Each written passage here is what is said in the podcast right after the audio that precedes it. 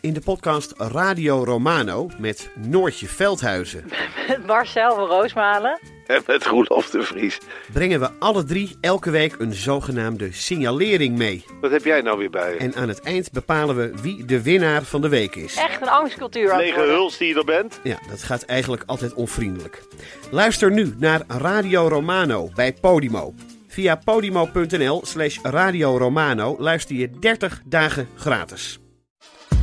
Mijn naam is Botte Jellema. Jouw naam is Ipe Driessen. Wij zijn van de Eeuw van de Amateur. De Eeuw van de Amateur is een podcast die gaat over... Alles. Het is een eh, podcast over levenskwesties die je niet kunt googlen. Een soort licht neurotische blik op het leven. Het is een podcast met humor. Jezus. Kijk, een grapje. Die, die vragen durft te stellen en die je ook onbeantwoord durft te laten. Mooi. met een regenboogvlagje. Dat, dat noem je queerbot. Dat het een regenboogvlagje, dat klinkt echt als een soort... Eh, ik bedoel, iedereen is welkom. Kom ons luisteren in je favoriete podcast-app. Met Els. Hallo Els, met Chris Baayema. Hallo. Hallo. Ik vroeg me af, jullie zitten nu in Frankrijk, toch? We zijn nu in Frankrijk, ja. Dit is Els van het echtpaar Els en Klaas. En zij zijn aangemeld door hun dochter Marije. Die schreef mij, nou ja, het is toch min of meer een mini-romcom zoals ze elkaar ontmoet hebben. En dus bel ik ze in hun vakantiehuis in Frankrijk. Eerst via de gewone telefoonlijn en dan schakel ik altijd over op WhatsApp, want dat klinkt, ja, helderder. En ik zit expres binnen nu, want net was ik buiten, maar dan zit ik wat dichter bij de wifi, zeg Ja. maar. En, en, en wat voor een huis is het? Het is best een, eh, een, een flink huis, maar het is niet... Ons, ons hele gezin bestaat nu uit 23 mensen. Ja, en dat zijn dus eigenlijk eh, vier dochters en een pleegdochter die ook voelt als een gewone dochter.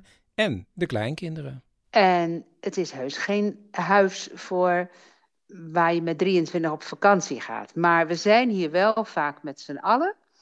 En ja, de een heeft een caravan en de ander zet een tent in de tuin. Eh, weer een ander staat op de camping. Eh, het, het, het wisselt een beetje. Nou, kijk, en die 23, die waren nooit bij elkaar geweest. Als het verhaal wat je nu met Klaas gaat vertellen niet gebeurd was. Dat is helemaal waar. Dat is helemaal waar. Je luistert naar Mini-Romcom. Waar gebeurde verhalen over hoe ze elkaar ontmoet hebben. Dit is aflevering 5. Klaas en de broers. En hoofdrolspeelster is Els. Ik was toen nog 18. Op een maand na was ik eh, zeg maar 19. Ze werkte in de verpleging op de Veluwe, maar was nog vaak thuis bij haar ouders in Oud-Beierland. Ik zat op de GJV, dat is de Gereformeerde Jeugdvereniging. Eh, dat was vroeger echt een, een leuke club, beetje sociëteitachtig, maar ook iedere week bespraken we een best een diepgaand onderwerp. Echt de hele wereldproblematiek kwam langs. En een groot deel van die leden vormde een vriendenkring. In die vriendenkring zaten een aantal broers en één zus. En die studeerden allemaal in Delft. Nu hadden de ouders van die kinderen net een huis gekocht voor twee broers en een zus, zodat ze in Delft konden wonen.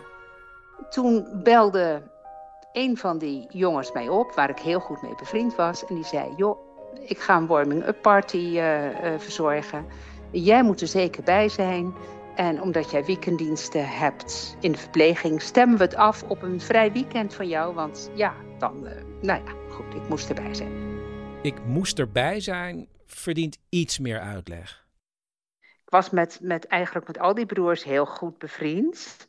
En die ouders, ja, die, die hadden echt nog wel zoiets van. eh, eh, nou ja, dat mag ik nu zeggen, maar Jawel hoor, dat mag je wel zeggen. Eh, dat ze, dat ze wel proberen dat, dat de jongens een meisje van een beetje dezelfde geloofsrichting kregen, zeg maar. en de broers, die zagen wel iets in Els.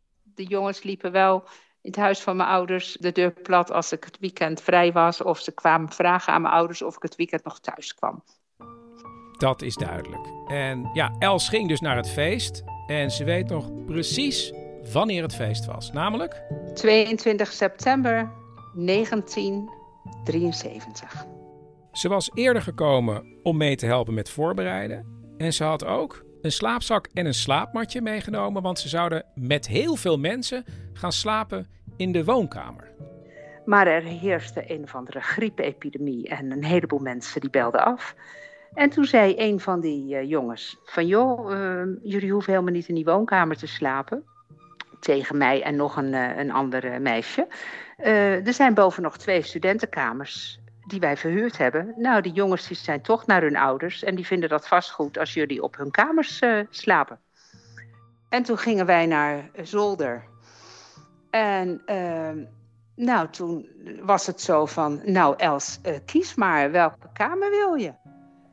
En nou, ik liep rond in alle tweede kamers en ik zei: Oh, wat een leuk kastje staat daar. Ik zeg: Nou, deze kamer. Dus Els legt haar spullen in de kamer en gaat weer naar beneden. En toen opeens klapte de voordeur, ging de voordeur open en die klapte heel hard dicht. En toen was het bonk, bonk, bonk op de trap. En toen zei een van de jongens: Oh, help, daar heb je Klaas. En Klaas was een student civiele techniek die bij de broers een kamer had gehuurd. Ik was met mijn dispuut uit zeilen en uh, toen dacht ik nog eventjes uh, snel mijn uh, zeilspullen op mijn kamer te leggen. En dan de trein te pakken. Dus ik had eigenlijk ook een beetje haast om nog een beetje een normale tijd thuis te zijn. Omdat de broers wisten dat Klaas ieder weekend in de zelfbedieningszaak van zijn vader werkte, kwam zijn bezoek als een verrassing. En daarom zei een van de broers: Je komt toch niet thuis, hoop ik? Ik weet het nog zo precies. En toen zei Klaas van, nou dat klinkt erg gastvrij in mijn eigen huis waar ik woon. En toen zei die broer weer, oh zo bedoel ik het niet, maar ik heb net je kamer uitgeleend aan Els. Ik zeg, nou ik vind alles best, maar nu wil ik wel even weten wie Els is. En uh, toen werden we aan elkaar voorgesteld. En nou ja, ik dacht, oké, okay, wauw.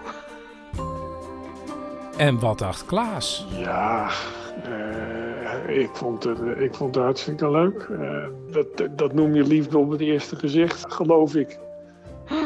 Ja, mooie ogen, mooie kop met haar, lange vent. Gewoon, ja. Klaas verdween naar boven om zijn spullen weg te zetten. En tien minuten later was het bonk, bonk, bonk op die trap en de deur werd dichtgeslagen. En weg was hij.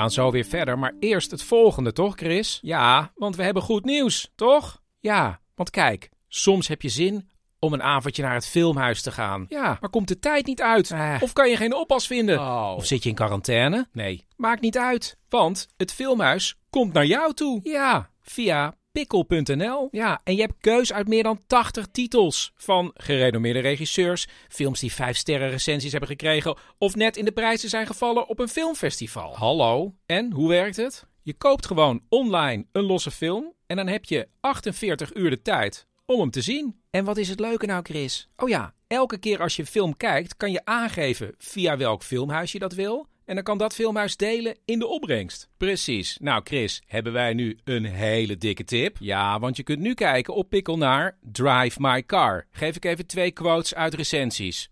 Meeste werk, onvergetelijke roadmovie. En, ook heel belangrijk, Chris, Oscar voor de beste buitenlandse film. Dus allemaal kijken en dat kan, want je mag nu gratis een film kijken op Pikkel als je codewoord microfoon intoetst. Dus ga snel naar pikkel.nl en dat schrijf je P-I-C-L.nl en kijk gratis een film met codewoord microfoon. En dan gaan we nu weer verder met de podcast.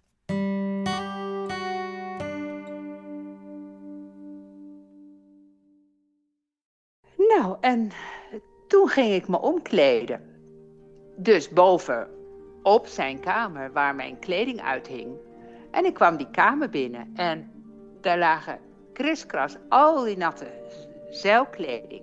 En ja, ik heb dat opgeraapt en ik heb dat keurig op hangertjes uitgehangen in de badkamer.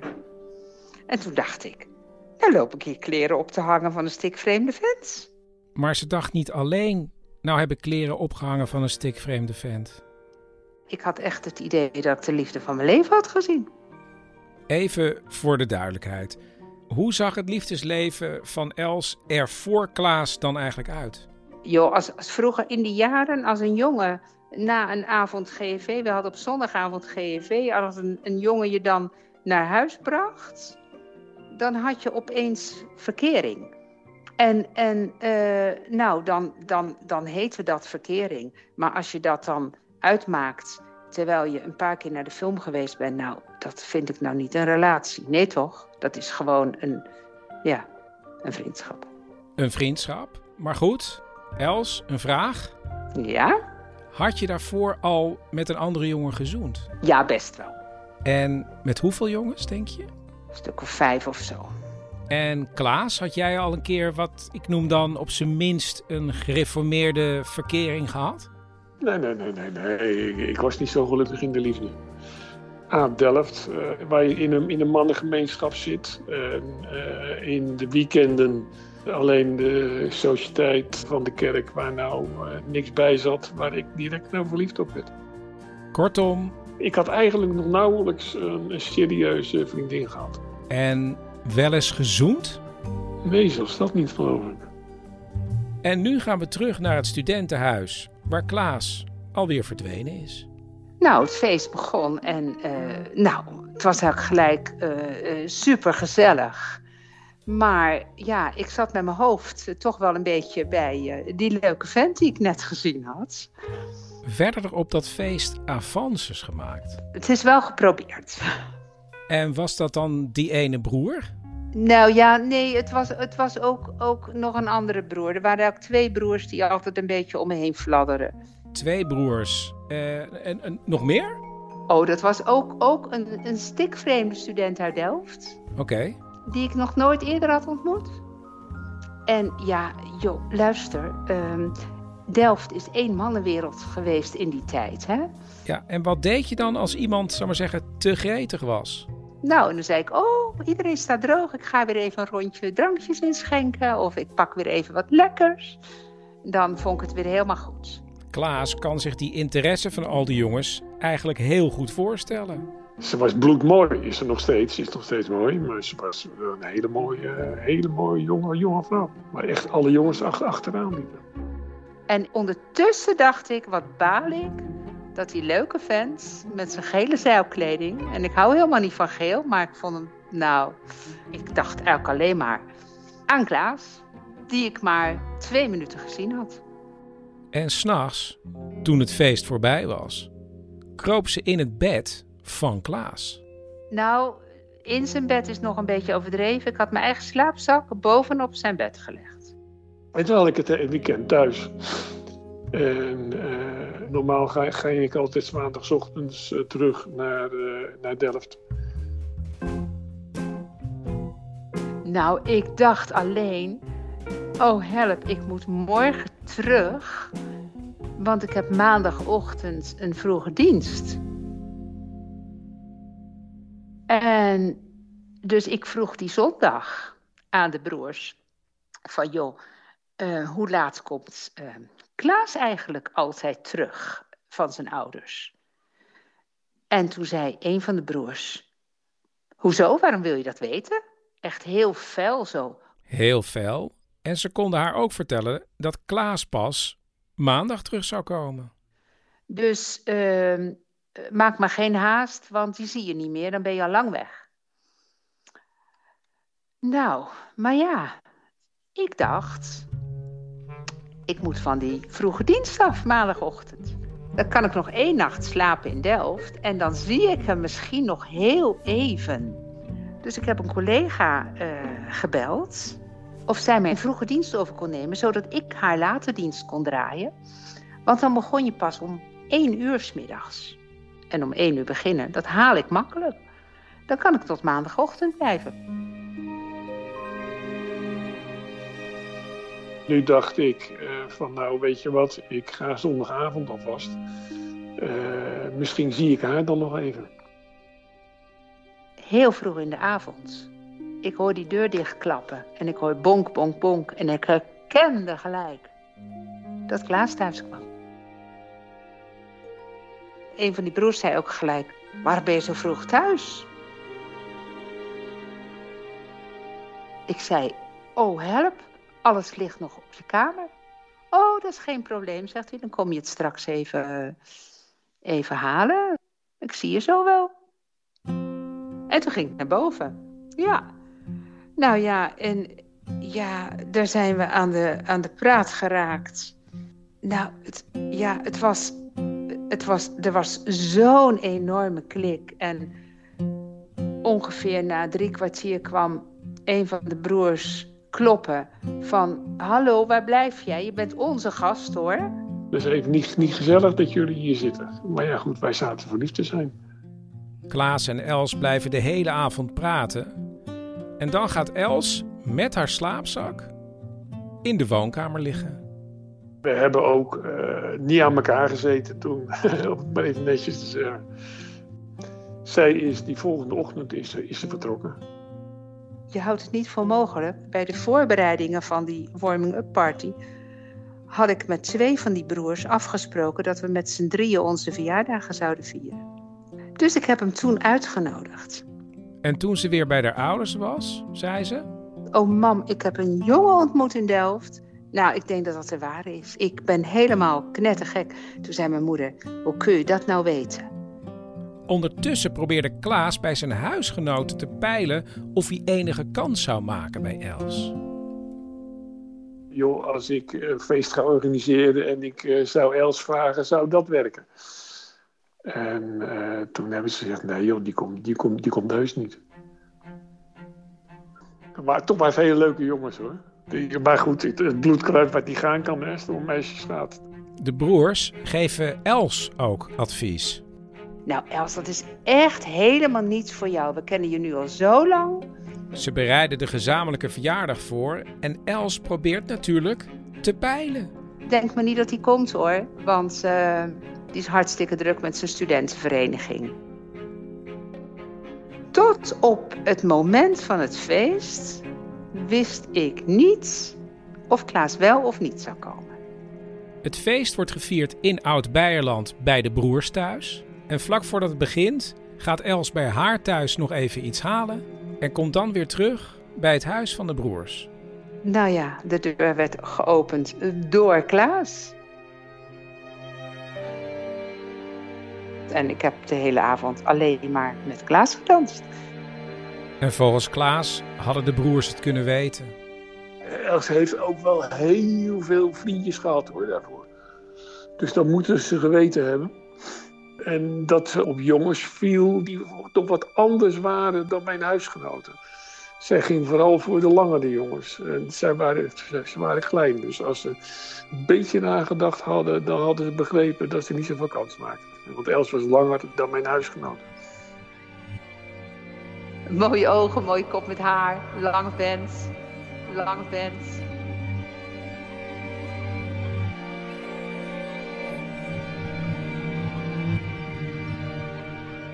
Na het feest heeft Klaas mij thuis gebracht en onder de lantaarnpaal op de sportlaan, daar kreeg de eerste zoen.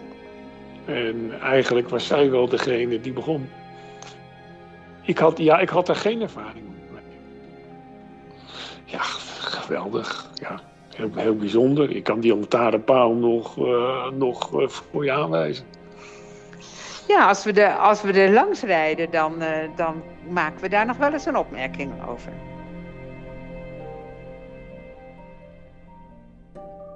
Vlak voordat Klaas dan weggaat, zegt Els nog wat. Morgen ben ik echt jarig, dus uh, je bent meer dan welkom. En toen zei hij, oké. Okay. Ik zei, nou, schrik niet, want de hele familie komt. En toen zei hij, nou, ik ben er morgen. En ik had die dag overdag nog in de winkel gewerkt. Mijn vader verkocht ook bloemen. En die had al een paar bossen bloemen achter, achter apart gezet. Van, die neem je mee. En nou, ik zet net de koffie neer en ik zag een enorme bos bloemen om de hoek van, van de straat komen. En daarachter kwam Klaas. En nou, ik vergeet het nooit. Werkelijk de een na de ander. Eerst mijn moeder in de keuken. Nou, zegt ze, dat je daar opgevallen bent, dat snap ik hoor, lieverd. Dus in die zin scoorde ik wel. Wat een leuke vent. Nou, zo, zo ging de een na de andere tante de keuken in. Met dezelfde opmerking. Klaas werd onmiddellijk omarmd door de familie. Klaas en Els zijn getrouwd. Vormen nu een familie van 23 personen. En in de afgelopen jaren hebben ze ook nog eens voor 23 pleegkinderen gezorgd. En volgend jaar, op 22 september, kennen Els en Klaas elkaar 50 jaar. En hoe ging het eigenlijk met die broer die per se wilde dat Els op het feest aanwezig was? Nou, ik weet wel dat zijn moeder nog wel een keer tegen mijn moeder heeft gezegd: Nou, het was toch wel leuk geweest als jullie dochter met een van onze zoons iets had gekregen.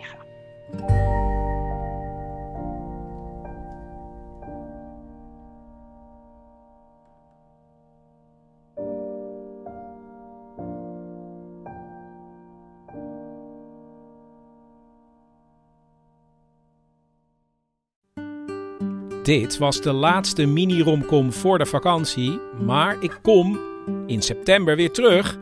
Waarschijnlijk wel weer met mini-romcoms. Dus heb je een goed verhaal? Deel het via manmetdemicrofoon@gmail.com. Ook belangrijk, word lid van Man met de Microfoon. Dan steun je ook uh, mijn andere podcast, Een Grote Bruine Envelop. Moet je sowieso naar gaan luisteren. Hè? Maar uh, lid worden kan bij petje.af slash man met de microfoon. En je bent al lid voor 3 euro per maand. Wat is dat nou? En dan krijg je ook nog af en toe iets extra's. Ik zou zeggen, tot na de vakantie. Maar luister ook naar een grote bruine envelop.